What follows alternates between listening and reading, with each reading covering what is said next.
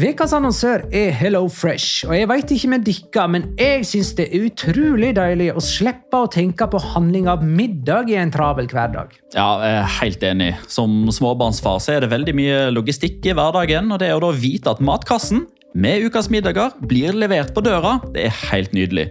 Da slipper du impulskjøp på butikken når blodsukkeret er lavt, og når du kommer hjem, kan du bare ta ut posen med dagens ingredienser fra kjøleskapet og sette i gang matlaginga. Ja, Du kan velge mellom 25 ulike retter hver uke. Og de har faktisk en egen kategori som heter Raskt og enkelt, med masse enkle og gode oppskrifter.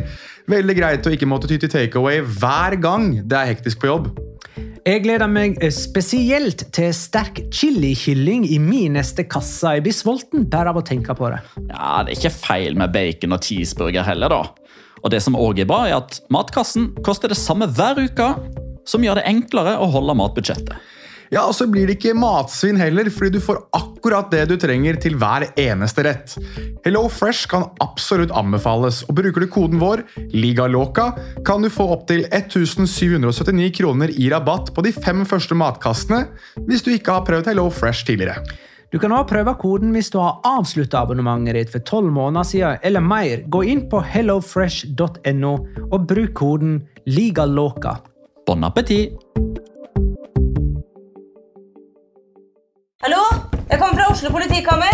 Ine Jansen er purk. Er du purk? The motherfucking bitch. Alt jeg vil, er å finne ut hva som skjedde med mannen min. Jon Carew. Er jeg sikta for noe? Iben Akeli. Det er du. Ole So, Lars Berrum og Big Daddy Karsten. Hvem sin side er du på, egentlig? Anette Hoff, Tone Danielsen, Kommer du fra Afrika? Jørnis Josef, Nesten. Kløfta. Trond Espen Seim. Det er synd å si det, men det var feil mann som døde. Purk. Premiere tirsdag på TV2 Play.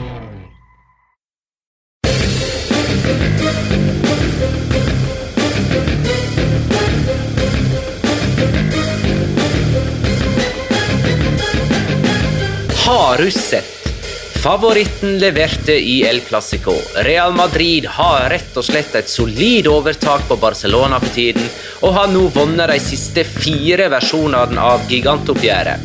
Etter kampen ble bilen til Koman herja med av Barcelona-fans, som håpa det var hans siste kjøretur hjem fra kamp nå. La liga loca. En litt gærnere fotball. Ja, ja, ja. Dette er La Liga Loca episode 180 av det ordinære slaget med Petter Wæland i Spydeberg. Hei. Hei, for en deilig, deilig dag. Eh, Jonas Giæver i Oslo sentrum. Hei. Shalom in the home! Og Magnar Kvalvik på Bjerke. Hei. Hei, Magnar. Hei, Magnar. Hei. Vi spiller inn rett etter at Atletico Madrid og Real Sociedad spilte 2-2. Eh, Søndag kveld, eh, med andre ord. Vi sitter hjemme hver for oss. Vi kan ikke spille inn på mandag denne gangen fordi at jeg da er kledd i kongens klær. Eh, Det er jeg. Sånn er det bare. Noen må verne fedrelandet og sånne ting. Jeg er veldig glad for Eh, at det er du som skal verne oss, eh, Magnar. Ja, av oss tre så er det greit at jeg tar det ansvaret. Jeg er ikke Eh, helt uenig. Det skjedde mer enn El Clásico denne runden her. Det er vi klar over. Dette var jo en chop-chop-runde der alle lag skåra utenom ett. Eh, Sesongens mest målrike kamp fant sted i Sevilla. Et nytt overtidsdrama fant sted på Mestalla, og Alexander Alexander. Og Alexander de store erobra Juana Metropolitano helt til Luis Suárez tok tilbake trona. Vi får ta dette eh, runde ti, kamp for kamp. Vi begynner med fredagskvelden. Osasuna Granada 1-1. Chimi Avila skåra igjen for Osasuna. Han ble jo matchvinner på La Ceramica i forrige runde. Eh, og på dette tidspunktet så leder faktisk Osasuna La Liga. Eh, men du toppa ingen tabell med Sergio Herrera i mål. Han ble nemlig chippa på fra 35 meter av Montoro, som utligna for Granada i det 90. minutt. Jo, Petter. Her står det i dokumentene mine Husk å gi Magna ros for Sergio Herreras slakt nylig. Ja, jeg tenkte jo akkurat det samme selv da Montoro chippa Sergio Herrera. Da sa jeg til meg selv at eh, Visst faen traff ikke Magnar der! men, men altså, én ting er jo å bli chippa på fra 35 meter. Det, det kan jo skje en gang i ny og ne. Altså, jeg husker jo David Villa har gjort det, blant annet, men da er det jo som regel fordi det kommer overraskende på på en overgang. Fordi den som scorer, da ser ah, keeper har langt altså Han har vært langt ute og har dermed lang vei tilbake til mål. Men dette er jo et, det er jo et etablert angrep der Louise Mia har full kontroll på ballen sentralt på midten, sender en helt vanlig pasning ut til Angel Montoro, så bare kikker og så bare Oi! Hva i svarten gjør keeper der? Og så bare Ok, 1-1. Han er en ukonsentrert type, Sergio Herrera. Eh, men han har sine øyeblikk, altså. Han har hatt gode kamper òg. Det har han. ja. Tror jeg hopper videre. Jeg, Nei, la, la, meg bare få uh, vi, vi, må hylle Chimi Avila. Så hyll Chimi Avila. Nå kan du gå videre. Ja. Han er god og har masse tatoveringer. Jeg syns ikke de er så kule, jeg, da. Men uh, det var vel ikke akkurat den hyllesten du ville høre, da, Petter? Nei, men jeg har hyllene, jeg nå, så bare gå videre. Jeg skal bare ha inn den faste hyllesten. Ja, kan, jeg få, kan, jeg få, ta en som ikke skal hylles, da? Eh, veldig kjapt. Altså, hver gang Robert Moreno er nær stupet, så er det en eller annen som hjelper han fra det stupet. Jeg er så drittlei av det. Han begynner å bli sånn Sånn fetter Anton-flaks, det han har nå, altså, det greiene til uh, Robert Moreno. Det Tre, irriterer meg, trener, og det vil jeg at dere skal alle vite. Treneren til Granada der, altså Ja, det er riktig. Mm, Granada er poeng over nedrykksstreken for øyeblikket. De har én seier det var mot Sevilla, sant? Ja. Mm. Mm. Så Det er jo det Robert Moreno kommer til å bli huska for, da, at han slo det laget som vant seriegull den, sangen, den sesongen han fikk fyken. ja. Valencia-Mallorca 2-2. Alle må se overtidsminuttene på Mestalla, alltid. Eh, her leder Mallorca 2-0 idet klokka runder 90 minutt. Så reduserte Gonzalo Gedes i det 93. minutt, og så utligna Gaia i det 98. Uh, Valencia tar ett poeng mer etter ni seriekamper enn på tilsvarende tidspunkt forrige sesong under en svært oppgitt uh, Javi Gracia. Så ikke så mye bedre under Bordalas. Nå har de vel ikke vunnet på fem kamper? Seks. Seks til og med. Mm. Og så føltes kanskje dette som en seier, da, når de lå under 2-0 idet vi gikk inn i tilleggstiden. Det var veldig mange, veldig mange, ting man har sett før her fra Valencia. Det med å Altså, kamper som lever inn i overtiden, er én ting. Mukhtar Diakabi som driter seg ut, er en annen ting. Valencia som gir bort dumme skåringer, er en annen ting. Kangin Lee som stråler på med steia og så klarer å bli utvist, er enda en ting som vi har sett før. Så um, det er godt å se at uh, det er en del ting som endrer seg i La Liga, men Valencia virker å være en sånn slags uh, fanebærer for det tradisjonelle. Så tradisjon tro så endte dette 2-2 med Valencia som utlignet dypt inn i overtiden. Men det, jeg, må, jeg, må, si det, altså, det er en prestasjon i seg sjøl å være 20 år gammel og allerede ha tre utvisninger i La Liga. Ja, jeg ser på det, Kangin Lee. Eh, altså at, at, han ennå ikke har lært at han må roe seg ned etter at han har fått sitt første gule. Altså, Han har jo fått direkte rødt før. Eh, mm. Jeg mener husk at vi satt på en bar eh, i Eibar forrige gang han ble utvist. Eh, ja. mot Atletico Madrid. Det var direkte rødt. Da gikk han inn altfor alt for, uh, seint inn i en takling på Jeg husker ikke hvem det var, men det var, det var, liksom, det var klink rødt. Og skulle liksom trodd at han hadde lært litt av det der. Han har jo blitt utvist mot Real Madrid òg, og så Mallorca nå. så det han ødelegger på mange måter mot seg sjøl, og det, den er jo veldig eh, bittersøt, den returen til Mestalla òg. Vi skal jo ikke glemme det at det var et veldig sånn eh, hardt breakup mellom Valencia som klubb og institusjon og Kangen Lee, men man ser jo at Valencia-spillerne fortsatt har en del kjærligheter. Altså, det er liksom ikke sånn at de sender han av banen. Altså, de klemmer han jo nærmest halve laget på vei ut og sier ja, vi syns synd på deg, men eh, nå må du av, liksom. Mm. Mm. Cádiz Alaves 0-2. Kadis det eneste laget som ikke skåra denne serierunden, i alle, for, i alle, fall før mandagskampen mellom eh, Getafe og Celta Vigo. Eh, der får vi antagelig to andre målløse lag. Eh, her skåra Joselo To mål for Alaves, som vant sin andre kamp for sesongen etter at de slo Atletico Madrid for en måned siden. José Lu har skåra tre av Alaves sine fire stusslige mål så langt denne sesongen. Vi spådde en, eh, en vanskelig andre sesong for Kadi Cádiz, som fremdeles ikke har vunnet hjemme, og som ikke har skåra i sine siste fire heimekamper, og de er poeng over nedrykksstrek akkurat nå. Har Det noe å legge til? Ja. Ja, jeg så jo Jeg så ikke kampen, jeg har bare sett høydepunktene. Fordi altså Vær så snill, midt på en lørdag sitte og se Cádiz Alaves. Det er kun mennesker som Petter Wæland som gjør det. ass. Den kampen her kan jeg se i reprise en eller annen gang når jeg virkelig ikke har noe annet å gjøre, eller jeg ikke har noe maling jeg kan se på tørke. Men eh, det der eh, brassesparket til Alvaro Negredo og den påfølgende monsterredninga fra Fernando Pacheco, den er så atypisk det oppgjøret her som du får det, tror jeg. Fordi at eh, det skal ikke være mulig at det eksisterer så morsom akrobatikk i fuckings Cádiz mot Alaves. Altså, dette her er På spørsmålet av pest eller kolera så er La Ligas, La Ligas tilsvarende er Cádiz eller Alaves. Altså, du vil ikke ha noen av dem. Du vil ikke være i nærheten av noen av de to med tanke på hvordan de spiller, og så varter de opp med både to skåringer og egentlig en del tilsynelatende morsomme øyeblikk. Har ord fra Jonas. Men er det feil? Men er det feil? Det er det ikke. Da går vi videre. Det vil jo alltid være en pest og en kolera i eh, La Liga. Så det Og her vil jo møttes alltid være noen lag som liksom eh, ikke inspirerer sånn veldig. Eh, er, det, er det skummelt å si apropos, liksom? Elche Spanjol 2-2. Apropos Nei, jeg synes ikke det. Underholdende kamp der, da. Eh, fire skåringer. Eh, Elche leder 1-0. Español snudde til 2-1 i løpet av 87 sekunder.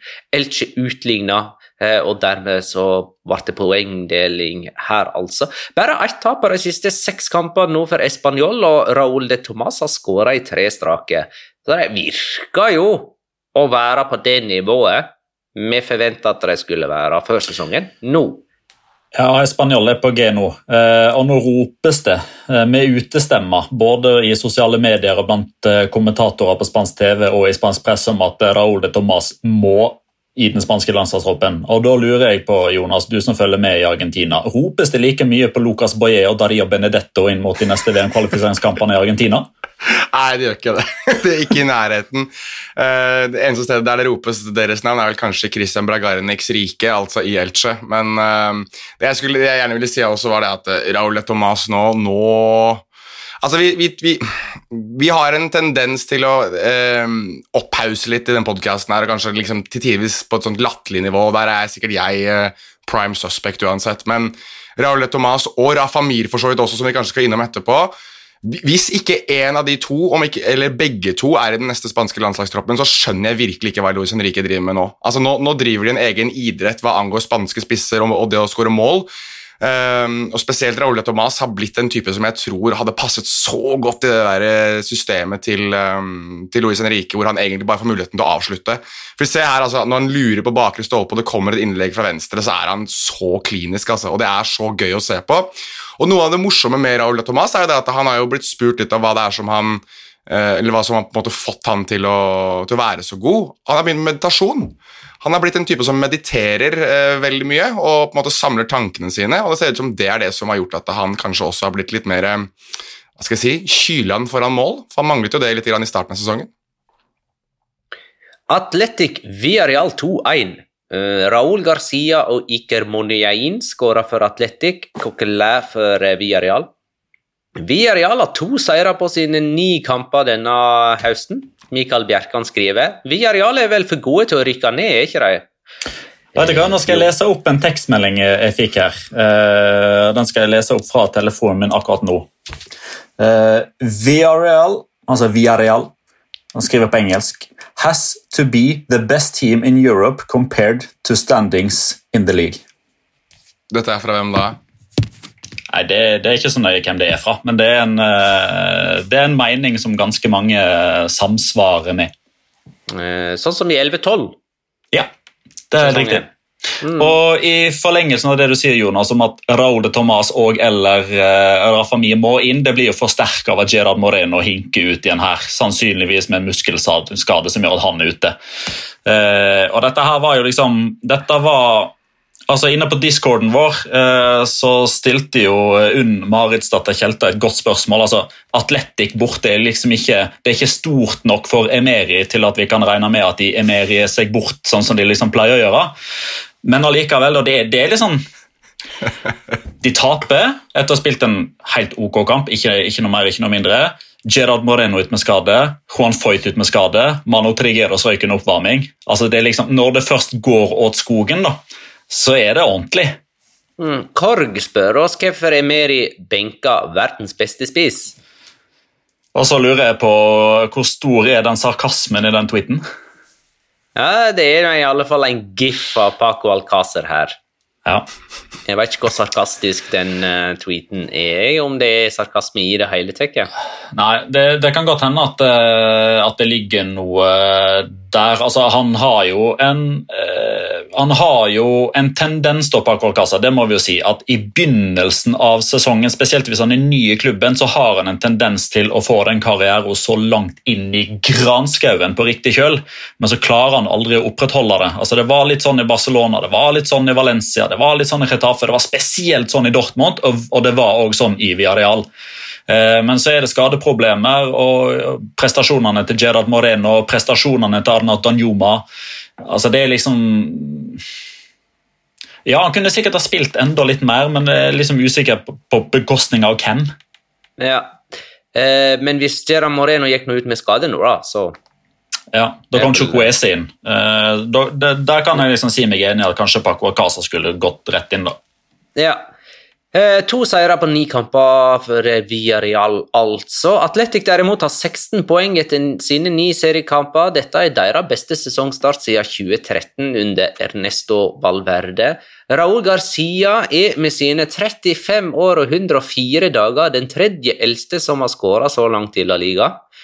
Rekna kanskje med Petter har snubla over den tweeten der fra Pedrito Numeros, så er det litt Jonas tippa hvem det er som er de to eldre. uh, Aritz Adoris må jo være en av dem, da. Denne sesongen. Nei, denne sesongen. Denne sesongen, ja. Uh, wow. Oi. Uh, å, oh, fytte rakkeren, den var vrien. Ja, for jeg, jeg, synes, jeg Du har jo allerede nevnt han ene, og han andre har vi jo snakka ganske mye om han i tidligere episoder. Jeg elsker den ene av disse to. Eh, ja. Uh, men, men uh, Altså som virkelig elsker. Er Alvar og Negredo en av dem? Har han scora ja. i år? Ja, det var han du hadde nevnt. Ja, jeg måtte tenke på hvem jeg hadde nevnt. Uh, Negredo i 36. Ja. Så er det en til, og dette er en jeg elsker. Var det det du skulle til? Eh, ja. Uh, um, kan det være en spiller i Betis? Kan det være en spiller i Nei, jeg vet ikke. Jeg... Nei. Det er Radamel Falcao. Ja, selvfølgelig. Som er 35 år og 228 dager. Nei, vet du hva, Nå skuffa jeg meg selv at jeg tok Negredo, men ikke Falcao. Altså. Det er faktisk skuffende. Eh, Atletic fikk faktisk to straffespark i denne kampen. her. Raúl Garcia skåra på den ene, mens Berenger bomma på den andre. Ja, Hva er, hva, er clouet der med å bytte straffeskytter? Når den ene treffer, og så skal du bytte på andre? Jeg synes det var veldig merkelig. Der måtte du jo ha altså der, der, er det jo én av to som må ryke. da. Altså Enten så ryker den ta straffe nummer to hvis du skårer på nummer én, eller så ryker den ikke ta den straffen du sjøl framprovoserer. Det var jo Monjain som framprovoserte straffe nummer to, og da ja. sagnet sier at da skal man ikke ta det sjøl. Ja, det var Monjain som skåra på den første, det var ikke Raúl Garcia. Nei, han, han skåra på en sånn uh, typisk stygg måte. Uh, Sevilla Levante 5-3. Åtte mål i én kamp. Det er mer enn det vi pleier å få i en hel runde av eh, La Liga denne sesongen. Men denne runden her var jo veldig målrik, og da kom jo den mest målrike kampen så langt i sesongen. Um, Sevilla er i eh, toppen, Levante står fremdeles uten seier og har bare Chetaffe bak seg, i alle fall inntil de spiller sin kamp mandag kveld mot Celta Vigo. Tror vi kan snakke om denne kampen litt senere. Barcelona-Real Madrid 1-2. Eh, to forsvarere som kan være så mye mer enn forsvarere, skåra for Real Madrid. Det var David Alaba og eh, Lucas Vasques. Eh, kun Aguero kom inn og skåra for Barcelona. Mer om den senere. Real Betis, Rayo Vallecano 3-2. Eh, Betis leda 2-0. Rayo kom tilbake til 2-2, men så ble eh, det hele avgjort da William José satte inn et straffespark kvarteret for slutt. Eh, Fire seire på de siste fem seriekampene for Betis. De er nå oppe på femteplass av poeng med Atletico, som er nummer fire. Real Betis er faktisk det laget Dette her er ifølge La Liga en directo, eller Fran Martine som han heter. Det er ingen lag i topp fem-ligaene som har tapt færre seriekamper enn Real Betis i kalenderåret 2021. De har kun tapt fire. Mm. Altså, Den der ingeniørjobben til Pellegrini nå, den, eh, den begynner å altså Det er Taj Mahal-nivå på den her. altså. De er sterke nå. Spennende å følge. Atletico Ja. Madrid, Real Sociedad. Men skal, du gå men skal vi virkelig komme igjen nå? Skal vi gå forbi den kampen der? Hvis ingen har det som Locora, altså Alex Moreno sitt tilbakespill til Oscar Trejo, er det ingen her som skal nevne det, bare? Uh, Ja, altså, jeg altså, hadde Alex Moreno i fokus her, for han skårer jo og framprovoserer straffespark i tillegg til det du skal fortelle om nå.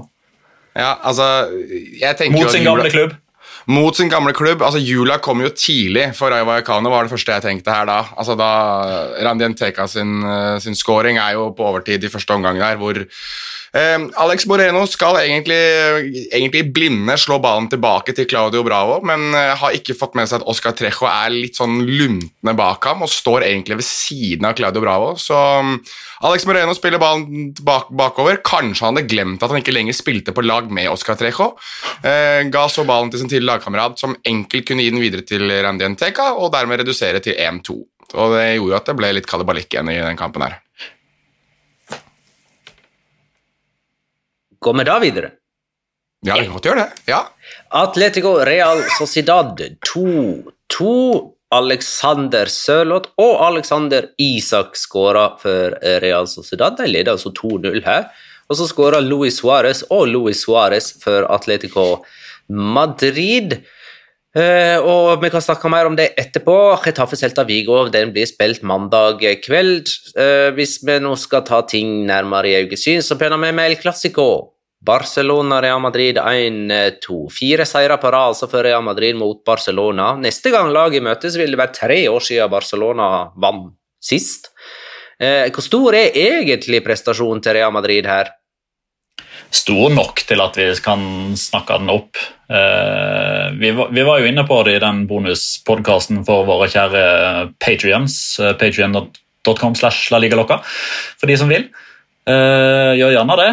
Eh, da snakket vi Vi var jo liksom inne på altså, hvor store favoritter er Real Madrid egentlig. Jonas var på at de var ja, Hva skal vi si at du landa på, Jonas? Ganske klare. Veldig klare. 80% 85 sånn. Ja, Det sa du ikke, men de var store favoritter. eh, Selv om Ja. du hadde tippa 3-2 til Barcelona. Ja, Eh, Bare for jinxe meg selv, selvfølgelig. Og, og så landa jeg på at de var knappe favoritter, men oddsmarkedet som jeg refererte til i bonuspodkasten, ved kampstart så hadde de spilt Barcelona ned såpass at de var favoritter. Eh, så eh, Men selvfølgelig eh, Nå skal jeg være Skal jeg på ingen måte legge dette El Clásico-tapet direkte på Ronald Koeman. Han gjør ikke så veldig mye feil i dag. altså det, altså, kan sikkert mene at det er kritikkverdig. Det, ser i alle fall dårlig ut at man tar ut Gavi og setter inn på Luke de Jong når det jakter scoring, men på, på ett vis så er jo det litt logisk òg, med tanke på hvem andre han eventuelt kunne ha satt inn. Eh, Jeg syns ikke det er noe ved lagoppstillinga man kan ta han på. Eh, Han forsøker ikke å finne opp kruttet på nytt. Han kjører derimot på med liksom det samme som hadde vist seg å være ganske bra, med tanke på at det, det funka jo ok med Sajino Dess som høyre ving. Hadde han hatt hadde han hatt en litt bedre avslutningsfot, så hadde jo Barcelona tatt ledelsen. Eh, Men allikevel, da, jeg synes det er liksom Det setter hans posisjon i klubben og det setter hans tid i klubben i en så riktig eh, jeg sier, er så riktig ramme da, når han er den andre Barcelona-treneren gjennom alle tider som har tapt tre Clásico på rad. altså Han har tapt tre av tre. Eh, og det er liksom, Han har tatt ett poeng av ni mulige mot Atletico Madrid. Han har blitt fillerist av Benfica, han har blitt fillerist av Bayern München. Eh, filleristing på vei ut av Europa forrige sesong òg. Altså, han jeg vet ikke hvor mange ganger jeg skal si det, men han er ikke riktig mann å ta dette Barcelona-prosjektet videre. Nå må Barcelona rett og slett bare ta seg råd til å bli kvitt den mannen der. Bilen, jo, bilen hans ble jo fillerista òg av uh, supportere på vei ut av uh, ja, fra stadion. da. Det var jo ganske Ja. dramatiske scener. Ja, det minnet meg litt grann om, for de som husker gode gamle Street Fighter 2 på Sega Genesis, hvor du da, hvis du vant tre kamper, så fikk du lov til å stå og ødelegge en bil uh, med den karakteren du hadde valgt. Det var litt det de minnet om, uh, minnet om der, hvor Barcelona-supporterne i hopetall sto og virket som nesten prøvde å slå inn rutene og kaste seg opp på bilen, og det var en supporter som prøvde å legge seg opp på panser og ta noen selfies, og det var ikke måte på. Det var ikke langt unna at han- han ble kjørt ned. Nei, vet du hva, jeg tenkte, jeg, da jeg så den videoen første gang, tenkte jeg at her er det en eller annen som blir kjørt ned, og det er det som egentlig er videoen, så jeg må vente på at det, det kommer. Men det er jo Barcelona har jo vært ute og, og kommet med ja, altså sin Ta sterk avstand fra supportere som holder på på den måten osv. We condemn this, these actions osv. Som jeg ikke finner en god norsk um, oversettelse på. uh, men, uh, men ja, nei, jeg er Vi, vi, vi kan jo si at Barcelona-supporterne forsøkte å kondemnere uh, bilen til Koman, og så ble de kondemnert sjøl. Ja, vi kan si det så. Men egentlig så så det jo bare ut som en hel bråte med folk som ville ta selfie ved bilen til um, Koman og uh, liksom få uh, foreviga seg sjøl sammen med Koman, skjønt Vi- gjennom ei bilrute. Men, og, Vi- og Ja, hva du vil si? Hvis man legger ekstrem godvilje til å ha på mute når man ser videoen, så kan jeg være enig. Ja, men, eh, men det var nok en del banking med, med håndflate og sånt på bil. Og jeg tenker jo at eh, som sjåfør, som det Ronald Koman så ut til å være her, eh, så kan man jo lett få eh, småpanikk bak eh, rattet her og prøve liksom å komme seg unna. Det, noe ille kan skje. Eh, så det, det, var en skummel situasjon, liksom. Jeg syns egentlig det er rart jeg, at man i Altså etter en kamp av den størrelsen her, på eh, et sånt stadion, at man i det hele tatt kommer til muligheten til å få eh, i hermetegn å angrepe bilen til noen av de involverte. Der, altså, vi har gått utenfor mang en stadion i Spania, alle oss tre. Eh, og det pleier ikke være sånn at man eh, bare kan stå og vente. Eh, altså jeg husker Vi gjorde det en gang utenfor San Mames, men da måtte man liksom, da måtte man ha kjennskap til hvor eh, bilene kjørte ut. Og da var ikke det hundrevis av personer som sto der. Ja, Da må jeg komme med en korreksjon på det. Jeg og Magnar har stått utenfor Mestaya, den har jeg fortalt om tidligere, da bilen til Kangin Lee ble omringet av eh, veldig mange supportere. Veldig mange av de var vel også av asiatisk opphav, så det ut til, og ville ha bilder og autografer. det som var, Så han måtte jo gå ut av bilen til slutt han, og sto og signerte autografer og tok selfier og det som, det som var utenfor Mestalla. Så man har tydeligvis eh, muligheten til å finne, finne ut hvor disse spillerne kommer eh, når de kjører ut eh, fra parkeringsplassene.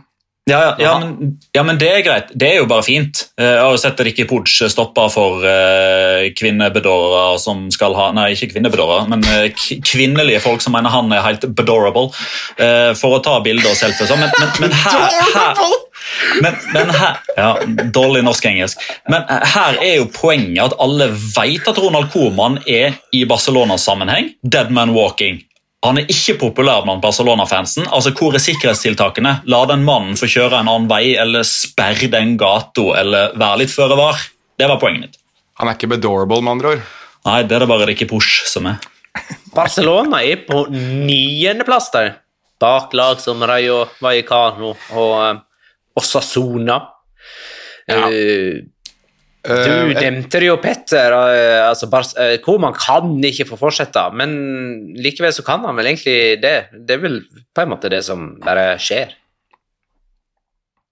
Ja, det er jo egentlig det, men, jeg, men det jeg vil gjerne nevne her, og det som jeg synes er greit å ta opp i forbindelse med den kampen her, er jo, som Petter var inne på, disse byttene som Ronald Koman gjør. Altså, det er jeg, jeg, jeg klarer ikke altså, Nå skal ikke jeg sitte og påberope meg at jeg er noen større fotballkjenner eller taktiker eller noe som helst enn det Ronald Koeman er. På ingen måte. Altså, jeg er nok den mannen til storetåa hva angår hva han kan om fotball.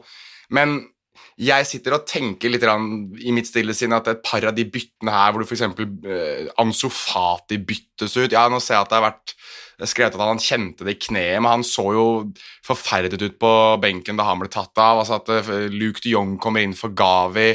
uh, Coutinho inn for Mingesa uh, i pausen. Aguero kommer inn altfor seint. Altså det, det, det, blir så reaktivt, da. Og det er noe som jeg syns Barcelona var enormt flinke på en gang i tiden. At de var så proaktive i byttene sine. altså De var føre var. De skjønte litt av kampbildet. Altså trenere som ja, Frank Rijkaard, ja, Pep Guardiola, men også Tata Martino var egentlig ganske god på det å endre kampbildet med noen av byttene sine. Ronald Koeman har ikke endret det eneste kampbildet, men noen av byttene han gjør i den kampen, her, så gjør han det jo egentlig bare verre for seg selv. Jeg så at det var var det Magnus Oi på, på, Twitter som stilte spørsmål om, om er Luke de Jong den verste spilleren i Barcelonas historie. Og det var du som svarte på det, Petter. Det, det jeg tror den, den, verste som har fått spilletid i El Clásico, tror jeg spørsmålet var. Ja, ja, nettopp. Og det er jo et betimelig spørsmål, egentlig, det òg. For han, altså, hva gjør han i den kampen her? Han gjør ingenting, og det er så uh, Det er så tydelig, da, når Aguero kommer innpå, og ja, han ser kanskje ikke ut som han er i superform, han heller, at han kanskje må trenes opp litt mer. Men han har direkte påvirkning på kampen. Det, nei, de, de gir bare ikke mening for meg. Mm, første målet til Real Madrid ble skåra av erstatteren til Sergio Ramos, med to brasilianske konsept som tredje og nest siste mann på ballen. Eh, Martin Hellerud spør David Alaba noe bedre signering i Spania denne sesongen? Altså Han kom jo gratis, og sånn sett, eller i hermetegn, altså alltid i hermetegn gratis. Jeg vet at jeg betaler både lønn og sign-on-fee, men de betalte ingen overgangssum for han. Eh, jeg vil nok tro at f.eks. Anna Don Juma skal ha en liten shout-out eh, her for eh, Viareal sin del, men de visste jo kanskje litt hva de gjorde da, Real Madrid da de henta David Alaba, med tanke på å fortsette å ha litt eh, knetak på Barcelona. Eh, for David Alaba han har nå spilt eh, fire kamper mot Real Madrid. 4-0, 3-0, 8-2 og 2-1. Han var ikke med i 14-15-sesongen for Bayern München da de tapte den ene og vant den andre. Så eh, David Alaba, fantastisk kamp. Eh, tar man bort skåringa, så står han fortsatt igjen med en fantastisk kamp. så Det krydrer det jo bare. Der han eh, stjeler ballen fra Memphis Depay, starter angrepet sjøl, blir med. Eh, og den lille detaljen i det angrepet der, det er lagt merke til at andre har, snakka om det òg, at når man ser den kontringa live, så vil jeg jo tro at enhver Real Madrid-supporter sitter og roper til TV-en 'Spill til Alaba Venicius!' Men så spiller Venicius til Rodrigo i stedet, og så til Alaba. Og Det er jo det som til slutt gjør at det, altså det kan godt hende at det hadde blitt scoring hvis Alaba hadde blitt spilt gjennom eh, på et tidligere tidspunkt. der. Eh, men jeg synes bare det viser litt av den der måten Venicius har vokst på, da, med måten han analyserer på og tar avgjørelser på. Eh, så han har lagt enda en alen til sin vekst. Var det banens beste? Han var den mest aktive, i hvert fall, og som framprovoserte mye. Skulle kanskje ha straffe? Skulle han kanskje hatt det. Det var flere i, eh, på Twitter hos oss eh, mm. som ikke skjønte hvorfor han ikke fikk straffe. Det var vel da i duellen med Mingesa i første omgang. Ja, ja riktig. Jeg er veldig, jeg er veldig glad for at lagene fikk én hver. Uh, sånn at det ikke ble altså Barcelona mente òg at de skulle ha straffe da Tony Cross uh, hensa, uh, men åpenbart da ikke straffbar. Og Det gjorde jo at jeg fikk rett i en av mine spådommer, for hvordan sto Gerard Piquet da? Han sto sånn! Med henda i været. For de som ikke ser deg, men bare hører deg. ja, men det Jo, med sånn sarkastisk uh, smil og latter mot dommer. Det hadde han jo en til av uh, mot uh, slutten. Han mente jo han skulle hatt straffe rett før Real Madrid satte i gang kontringen som førte til 2-0. Ja, da la han seg ned i stedet. Ja, da, da var han veldig sprellete. Var det den situasjonen da Coutinho og Piquet løper i beina på hverandre, holdt jeg på å si? Ja, noe sånt. Det var på stillingen ja. 1-0, og så, og så brøt Real Madrid og skåra til 2-0. Ja. Mm. Nei, men Har vi sagt det vi vil si om uh, den kampen, da? Nei, jeg vil poengtere noe via uh, Mr. Chip. For vi snakka jo om i bonuspodkasten i forkant dette her, at dette her er liksom uh, annus nullus, var det det vi kalte det for. Og at det var liksom den, den første kampen, og dette her er liksom det nye El Clásico. Eh, 17 år gamle Gavi, 18 år gamle Ansu Fati, 20 år gamle Rodrigo, 20 år gamle Erik Asia, 20 år gamle Serginio Dest og 21 år gamle Venezia spilte aldri fra start. Det er første gang siden 1956 at seks mann under 22 starter El Clásico. Så der har vi ordene våre i behold. Der har vi lest landskapet riktig. Hvordan da? At dette er ungt og ferskt, og dette er nytt. Ja, og, Anus nullus, ja. Mm. ja. Ja. Nye tider. Mhm. Sånne ting. Er det annet statistisk snacks å grave fram her, eller? Det er jo alltid det når det gjelder klassiko, men jeg har ikke notert ned noe du, du har jo det faktum at Gavi er den yngste fra start i El Clásico på 80 år, eh, og at han møtte sin far, Luka Modric, som er 36. Eh, jeg syns også det var Ja. interessant at eh, er det Real Madrid har vunnet fire strake El Clásico for første gang Mhm. siden 1965. Ja, Mm. Den er grei å ta det, med. den er grei å ta med. Og Du nevnte jo Magnar, at det, i uka, altså de satte jo som forsvarsspillere. da, eh, Lucas Vasques og eh, David Alaba. og Begge skåra. Det var første gang noensinne at to fra Real Madrid gjorde det. Um, Det er to forsvarsspillere, to forsvarsspillere i ene sammen med El Clásico. Eh, Piqué og Puyol gjorde det for Barcelona i 2009, og da skåra òg Ramos eh, for Real Madrid. Så da var det faktisk tre i den. Lurer på hvordan uh, Zinedine Zidane uh, reagerte da Lucas Vasques uh, skåra der. Det var jo, hans, det var jo på en måte den ene kjæledeggen han hadde som han aldri ville droppe på noen som helst måte. Jeg liksom forestiller meg at Zinedine Zidane satt der og liksom å si, eh, drakk teen sin sakte og liksom skjenket seg selv mot TV-en da han så Lucas Vasques feire inn i kamera, sånn som mange andre har gjort denne helga her. Jeg, tipper Sindrin Zinedine Zidane var like eh, imponert og stolt over jobben han har gjort med sin adoptivsønn Lucas Vasques som Diego Simione med sin firemålsskårer av en sønn Giovanni Simione denne helga. Uh, godt nevnt. Eh, da hopper jeg videre jeg nå. Ja, det kan du gjøre. Det syns jeg du skal gjøre. Takk, Atletico Madrid, Real Sociedad 2-2. Eh, der skåra Alexander Sørloth sitt første mål for eh, Real Sociedad. Den skåringen kom etter 6 minutter og 15 sekunder på Wanda Metropolitano. Det er det raskeste baklengsmålet for Atletico på sin eh, nye arena. Han ble ikke I skada heller. I La Liga. Ja. Skårer ikke Liverpool før det?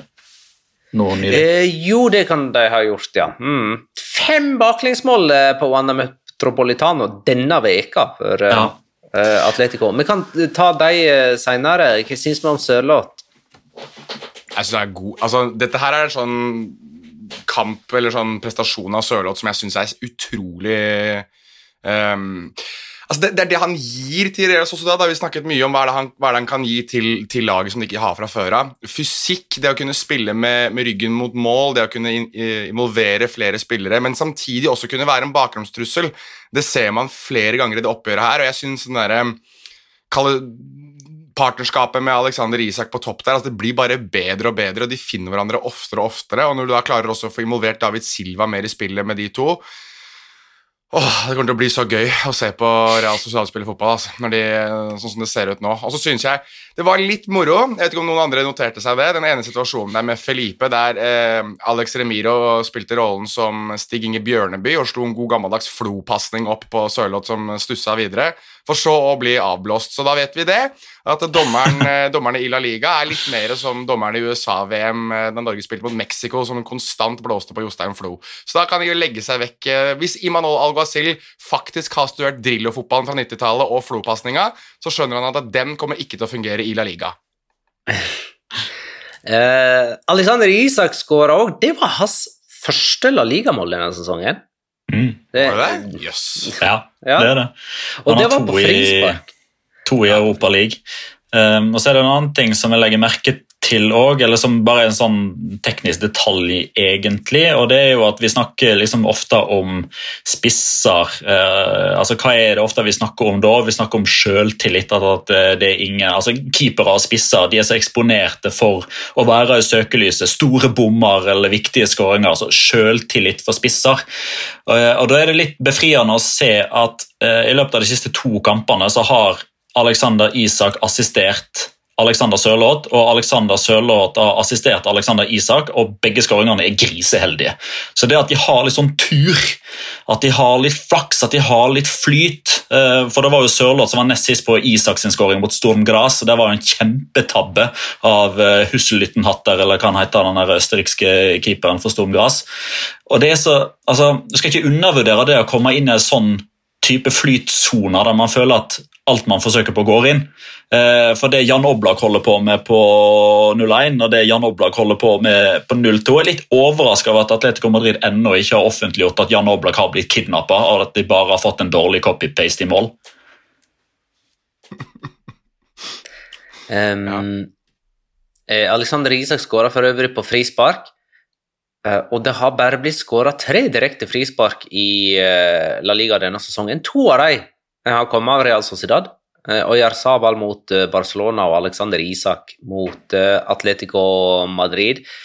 Real Sociedad leder altså 2-0, og så reduserte Luis Suárez på en heading etter innlegget fra Chau Felix. Og så fikk altså Atletico Madrid straffe kort tid etterpå. Det var òg Luis Suárez som fikk straffen og omsatte den i skåring. Den dømte ikke dommer på i utgangspunktet, og jeg må jo i bare Jeg synes det var kjemperart at videodommer ba hoveddommer gå og se på den på nytt og at hoveddommer, basert på de bildene han fikk, valgte å ombestemme seg og gi straffe på den. Dikka? Nei, jeg er litt enig med deg. Uh, og her synes jeg TV 2-kommentator Robin Grov egentlig har et veldig godt poeng. Um, I det at han sier at alt i slow motion blir seende litt verre ut. Um, nei, jeg er og, ikke helt enig i det. Nei, men jeg, sy men jeg men, synes akkurat her treffer han bra. For jeg, jeg syns ikke den der er, er spesielt ille. Jeg, og, og, men jeg ser, når man får det bildet servert i slow motion, så synes jeg det ser verre ut, jeg òg. Men, men så er spørsmålet er skillelinjene der hvor er det en forseelse det, skal man bare ta det på forseelse, eller skal man ta det på forseelsens natur, eller hvordan er det man baserer det? Altså, det er litt verre spørsmål sånn, Ja, det ville blitt frispark på Hvis det var på midtbanen, så ville det blitt et frispark, men skal det da automatisk bli et straffespark? Noen mener ja, noen mener nei. Altså, jeg Men jeg, akkurat her syns jeg det var et godt poeng, egentlig. At jeg syns ikke det så så ille ut. Uh, I mangel på bedre ting å foreta meg uh, i går mellom Cádiz Alaves og Elche Spanjol, uh, så ble jeg tilfeldigvis surrende rundt inne på Conmebol sine sider, fordi jeg leita opp avsparkstidspunkter for Brasil-Argentina, eller Argentina-Brasil, som er i neste landskamppause. Det jeg la merke til da, er at de har lagt ut en hver var-situasjon som skjer i VM-kvalifiseringskampene. Først en mann som forklarer hva er det som skjer her, og så får man høre eh, dialogen mellom eh, dommer og videodommer. Ja. Det jeg har lagt merke til etter å ha gått gjennom brorparten av de, er at når en eh, hoveddommer gjør sin vurdering underveis, så forteller han hva han ser, hvordan han opplever situasjonen. Eh, og Conmebol følger den samme protokollen som Fifa Uefa, som alle andre nå har innført. La Liga akkurat den samme. Det jeg tipper har skjedd her, for jeg er helt enig med at jeg ble overraska når jeg så at oi, skal han ut og se på denne, fordi denne er jo liksom ikke det som man kanskje ville definert som klar og tydelig. Eh, men da tror jeg man i litt for stor grad tenker er dette et klart og tydelig straffespark, kontra er det en klar og tydelig feil. Her er jeg ganske sikker på at Monoero Montero har sagt spill videre, det er ingen kontakt. Eh, jeg ser ingen kontakt. Og Hvis dommer da står og sier det er ingen kontakt, og man har videobilder som viser jo det er det, så er det en klar og tydelig feil av dommer. Det er en klar eh, og tydelig vurderingsfeil. Og det at dommer da får lov til å se den på nytt, syns jeg er helt innafor. Men det der blir så rart. Det blir umulig for seere å forholde seg til. for Da må vi jo nesten vite hva dommere sier. da. Ja, og da bør man eh, pri 1 gjøre som i NFL. Mm. Ha en eh, mikrofon på dommer, eh, i alle fall sånn at de som er på kamp, forstår hva som skjer. og Så får det heller være sekundært for oss som sitter og ser på TV. Og punkt to, offentliggjør det i etterkant. Ja, for det er i alle fall uh, umulig å bare forholde seg til regler da, som seer. Og liksom si sånn eh, Dette her er ikke en opplagt feil av dommer, så hvorfor gjør han det om? Og så, og så skal vi liksom uh, ja, og så er det basert på interne samtaler, liksom. Det, det er ikke helt den retningen jeg ønsker at ting skal gå, må jeg nå bare si. Jeg trodde vi hadde ei regelbok å forholde oss til, og et, eh, en protokoll. Eh, skal vi er, dere, er det egentlig noe mer å si om denne kampen? Vi har allerede nevnt at Jan Håblak så ut som en dårlig kopi av seg sjøl. Eh, vi har også nevnt at Atletico Madrid slipper inn veldig masse mål. Det, er jo, det, det første baklengsmålet her er jo kjempemerkelig. Det,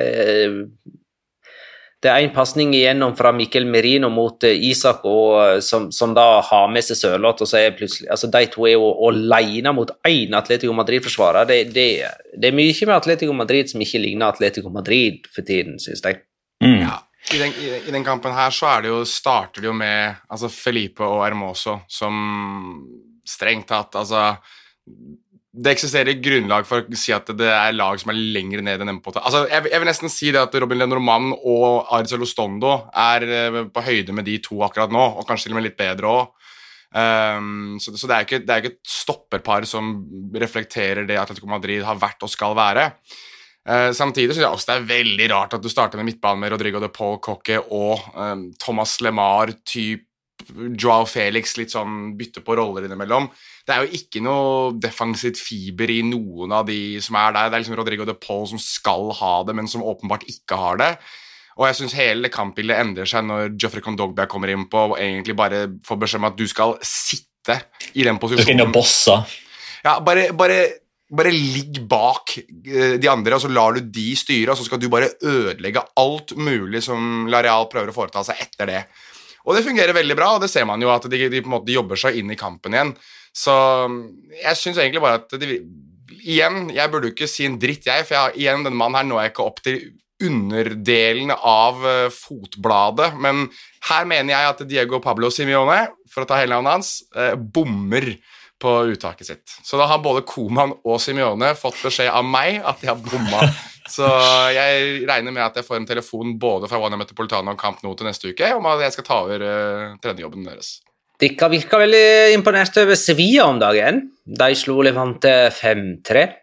Eh, De hadde til og med fem ulike målskårere her, Sevilla. Oliver Torres. Eh, Bra skåring av Oliver Torres. Meget, oh. meget bra. Rafa Mir skåra. eh, Landslagsspilleren til Jonas. Eh, Monir El Haddadi han er ikke landslagsspiller for Spania lenger. Kanskje Marokko. Eller definitivt Marokko, ja. Marokko. Jo da, Eh, Marokko. Diego Carlos eh, skåra. Det var en som spurte oss hvem egentlig er om Diego Carlos er god eller dårlig. Eh, og ja, jeg sliter med å svare. Det var Peter Losvik. Hvor god, skråstrek dårlig, er Diego Carlos? Og han er både god og veldig dårlig. Er det Eh, greit nok svar, eller? Kan jeg bare kan jeg komme med en teori? Hvis Josef Nesiri var verdens dårligste gode spiss, så er da uh, Diego Carlos verdens uh, dårligste gode uh, midtstopper. Sånn. Ja, for han skåra, og så øh, hadde han vel òg den der han skulle skjerme ballen utover dørlinja, men ikke klarte det, sånn at Levante reduserte til Det var vel 4-3, der, da. Ja. Eh, Fernando skåra òg for Sevilla, bare for å ha nevnt alle mm, de målskårerne. Sevilla hadde sluppet inn tre mål før denne runden, og så slapp de inn tre mål i én og samme kamp, mot Levante, altså, som ikke har øh, vunnet på 18 kamper nå. Eh, kjapp quiz. Uh, Sevilla, forrige gang de hadde fem forskjellige målskårere uh, i en La Liga-kamp, det var mot nettopp Levante i januar 2019. Nei, Klarer dere å nevne de fem? januar 2019. Ja. Luc de Jong. Nei. Hva sa du? Lucas Ocampos. Eh, altså Dette er da altså 18-19-sesongen. Ingen av de to spilte i klubben ja. da. Januar 2019. 18-19. Hvem var der da? Ingen av spillerne er i klubben lenger. Ja, Wissam Ben satt jeg tenkte på. Helt riktig. Ever Banega? Nei. Og han er André øh, Riktig. han, hans, Ja. Ja. André Silva. André Silva. André Silva. Eh, André Silva. Ingen av de er i klubben lenger nå. Ingen av de er i klubben lenger. Regilon? Nei. Eh, Han som skåret det tredje målet, spiller for øyeblikket i serie B for Parma.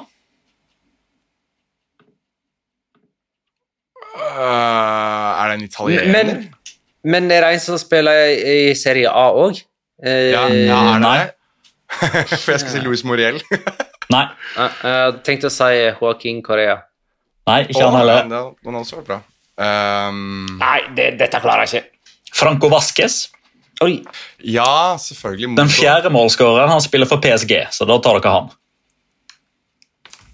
Uh, Sarabia. eh, Sarabia. Ja. Mm. Nei, ja, men han er, Han er jo ikke PSG, han er jo sporting nå. Ja, Ja, leid ut til Sporting. Ja, Ja. Beklager.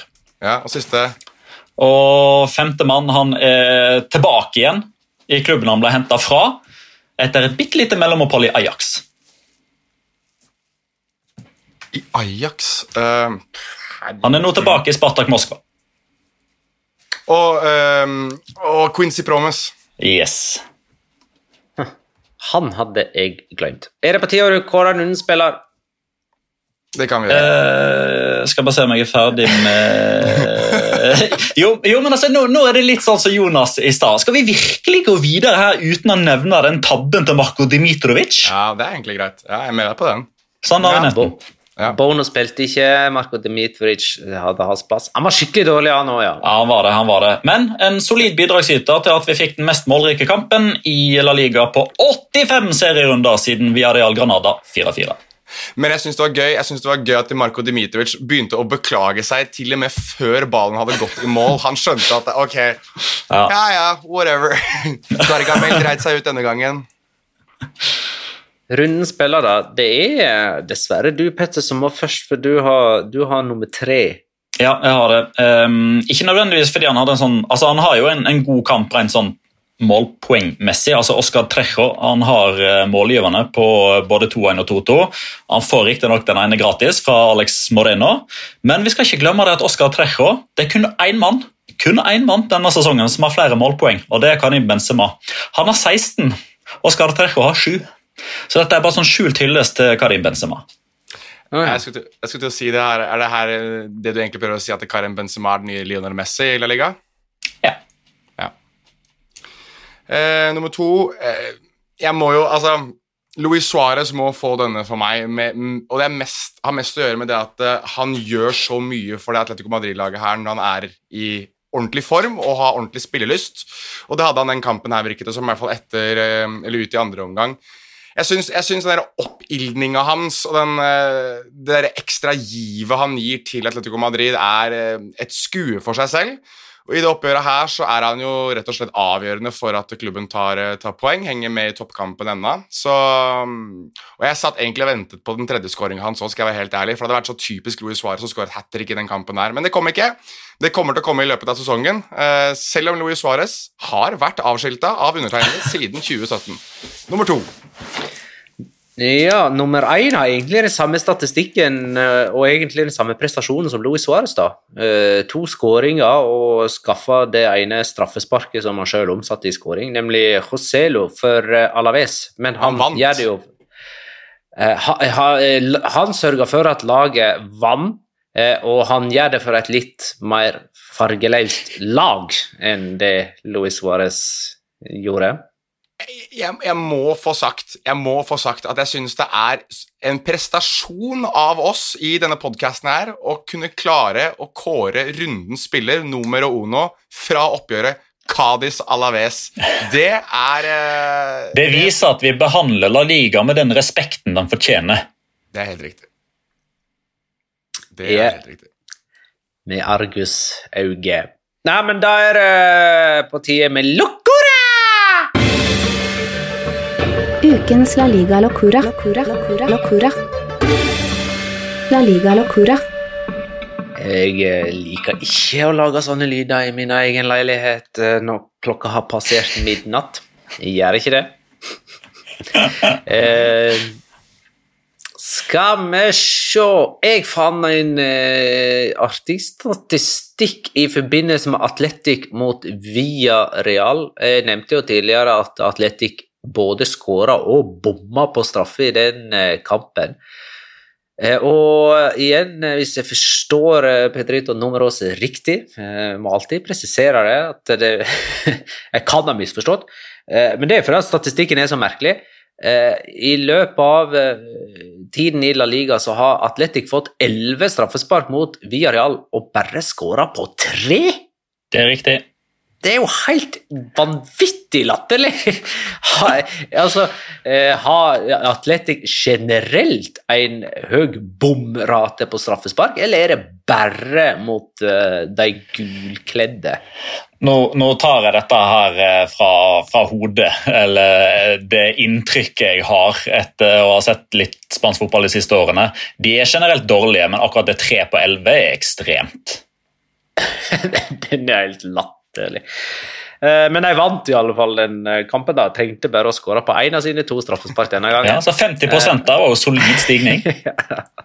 Ja, det er faktisk. Jonas, Ja, jeg eh, har latt meg fascinere litt av Hvis dere har fått med dere det er flere klubber i La Liga, bl.a. Valencia har jo begynt å fått en sponsor på magen som heter Socios. Har det noen som har fått med seg det? At de har, det er jo en sånn form for eh, krypto-eierskaps-pissmøkk-greie som du kan gå inn og, og delta i. Jeg, har ikke satt meg inn noe mer enn det, enn at det liksom gir folk muligheten til å kunne påvirke visse ting i sine klubber, og det er veldig mange La Liga-lag som har kastet seg på denne bølgen. Blant dem er Rayo Vallecano, så jeg gikk inn for å titte litt på hva man kan f.eks. for eksempel kjøpe av frynsegoder, eller hva man kan benytte seg av sin stemmerett på dersom man kjøper seg opp nok sånne Socios tokens. Um, og denne gangen her så hadde de Og dette er, faller meg veldig tungt for hjertet. Eh, Jeg som alltid har ment at Radamel Falcao har vært den mest fantastiske spiller i det at han når han feirer, så er det så spontant, det er så glede er så, Han er bare liksom som en ball av energi som eksploderer i fantastisk feiring. Nei da, Inne på Socios sine sider så kan du stemme over hvordan du ønsker at Radamel Falcao skal feire sin neste scoring, og under så står det at Radamel Falcao må nå feire på det som da blir den, det valget som eh, vinner, altså som er eh, høyst stemt på. Og det verste er at det kommer med illustrasjonsbilder av Falcao som feirer på Vallecas i diverse ulike positurer. Det er altså noe av det tarveligste og jævligste jeg har sett i hele mitt liv. Og jeg, jeg, blir bare så utrolig, utrolig skuffa over Radamel Falcao, og at han har latt seg lure til å bli med på noe sånn faenskap som det her. Dette hadde ikke Pippo Innsage blitt med på. Nei, det hadde han ikke. Og jeg trodde ikke Radamel Falk Er det ingenting som skal få lov til å skånes eh, den moderne fotballen? En liten del delokora før jeg tar min egentlige, siden det er en Rayo-avstikker. Du kan faktisk ikke kjøpe den offisielle Rayo-drakta i klubbshoppen, for de har ingen. De har ikke hatt noen den hele denne sesongen. Så alle som har vært inne for å kjøpe Falcao-drakt, har fått beskjed nei, vi har ikke. Eh, Men min egentlige locora Eh, Eh, jeg vet at du vet dette, eh, Jonas, og det kan hende at du har sett det òg, Magna. Men jeg skal likevel kjøre en liten Det er egentlig ikke et quiz, for du skal ikke vite dette, men du skal få lov til å tippe. Hvor mange tilleggsminutter har det vært til sammen i Valencias ti kamper denne sesongen? Og Nå skal vi plusse sammen tilleggsminutt fra første og andre omgang? Ja. I ni, Så det er altså 20 omganger, da. 10. 10. Nei, skal vi si et snitt på øh, Oi, oi, oi Det er desidert mest i La Liga, bare sånn eh, redd and. Eh, det, er jo, det er jo mer Altså, de har ti kamper, Ja. og det er jo mer enn ti minutter per kamp. Nei, jeg sier 100 minutter, jeg. Ja, Da er du faktisk ikke langt unna. 103 minutter og 27 ja, sekunder. Mm. Så de har spilt en ellevte kamp, da, eh, med tilleggstid, der det ble lagt til 13 minutter. ja, den er fin. Ja. Mm, me likes. Uh, tipping. Mm. Mm. Forrige kamp vi tippa på, det var Barcelona-Real Madrid. Den gikk søndag klokka 15. Eh, 16.15 gikk han. Ja, Eh, også kalt El Clásico. Ja, det er riktig. Eh, jeg hadde 1-2. Jeg kan jo nevne at det ble 1-2 eh, med Alaba som første målskårer. Jeg hadde 1-2 med Tony Cross som første målskårer. Det gir meg tre poeng. Jonas hadde 3-2 med Frenkie de Jong som første målskårer. Det gir null. Petter hadde 2-2 med Anso Fati som første målskårer, og det gir null. Stillingen er da altså 11 poeng til meg, to til Jonas og ett til Petter. Altså Bare tuller ikke nå, eller? Altså, er det bare Er det bare fjas? Ja, det er på tide at programlederen får skinne litt, tenker jeg. Vent litt, vent litt. Om Jeg har vunnet de to siste åra. Om det bare er fjas, er ikke jeg Er det ikke bare Altså, Har vi ikke blitt enige i løpet av disse sesongene med La Liga Loca at uh, du er programleder, Petter er ekspert, jeg er gjøgler? Sånn er det. Jeg skal gjøgle meg gjennom hver eneste episode. Ingen som tror at jeg kan noen ting om spansk fotball uansett. Så dette her er helt i tråd med det brandet. Jonas Giæver har klart å skape. Hmm. Uh, Jeg var ikke helt klar for den rollefordelingen, nei. Eller altså uh, Min og, og Petters rolle er grei nok, men uh, visste ikke at du var en gjøgler, eh, Jonas. Jeg har vært veldig på det gjøglesporet nå siste uka. Ja. Du er ganske spontan, eh, Jonas.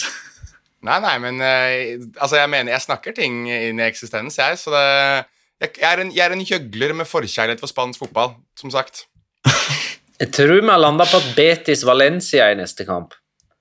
Eh, der sier jeg 2-1 og eh, William José. Åh, ja.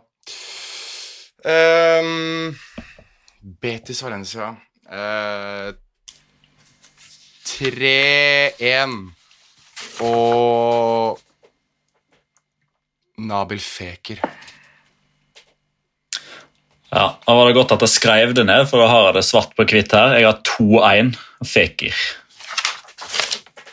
Ja, Petter har faktisk vist et ark der det står 2-1 Feker. Så, så de som ikke fikk med seg denne her veldig um, høytidelige Oi, prosit, Magnar. Denne veldig høytidelige um, videopodkasten, de, de har ikke fått med seg at Petter har da skrevet det på et ark. Så da har jeg sagt det til dere. Da ikke jeg mer å si. Eh, Patreon.com slash La Liga Loca. Helt riktig. Gå inn på La Liga Loca på Twitter. Der er Roar med skarre her, som Ah, den er helt rå! Ja, har du, du har sett det, Magnar? Ja. Ja, altså jeg, jeg, jeg, altså jeg vet ikke om det går an å forelske seg mer i en mann enn det jeg klarte å forelske meg i Roar med skarre den siste uka. Altså det er helt, altså For min egen del som heterofil mann. Men uansett, fan, fytte rakkeren. Den videoen han la ut der, med Han skulle vise sin, sine ikke-eksisterende Photoshop-skills, og det at han egentlig nå bare har blitt en sånn walking billboard for La Liga Loca. Vet du hva? Jeg, jeg har ikke på meg noen hatt, men hadde jeg hatt noe på Eller hadde jeg hatt hatt på, så hadde jeg tatt den av for Roar med skarre her. Så dette er eh, et geni uten like. Men laligaloca.com eh, Nei, La Liga Loca på, på Twitter. Gå inn der. Der kan dere kjøpe merch. Der kan dere dodere til Patreon, Der kan dere gjøre alt mulig annet moro. Hils Roar med skarre her fra oss. Sånn, da er jeg ferdig. God natt. Eh, god natt, ja. Tusen takk for at du lytta, kjære lytter. Ha det, da.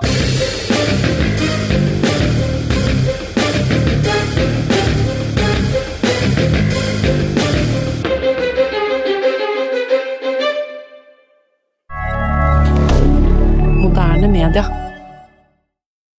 Har du et enkeltpersonforetak eller en liten bedrift? Da er du sikkert lei av å høre meg snakke om hvor enkelt det er med kvitteringer og bilag i fiken, så vi eh, gir oss her, vi.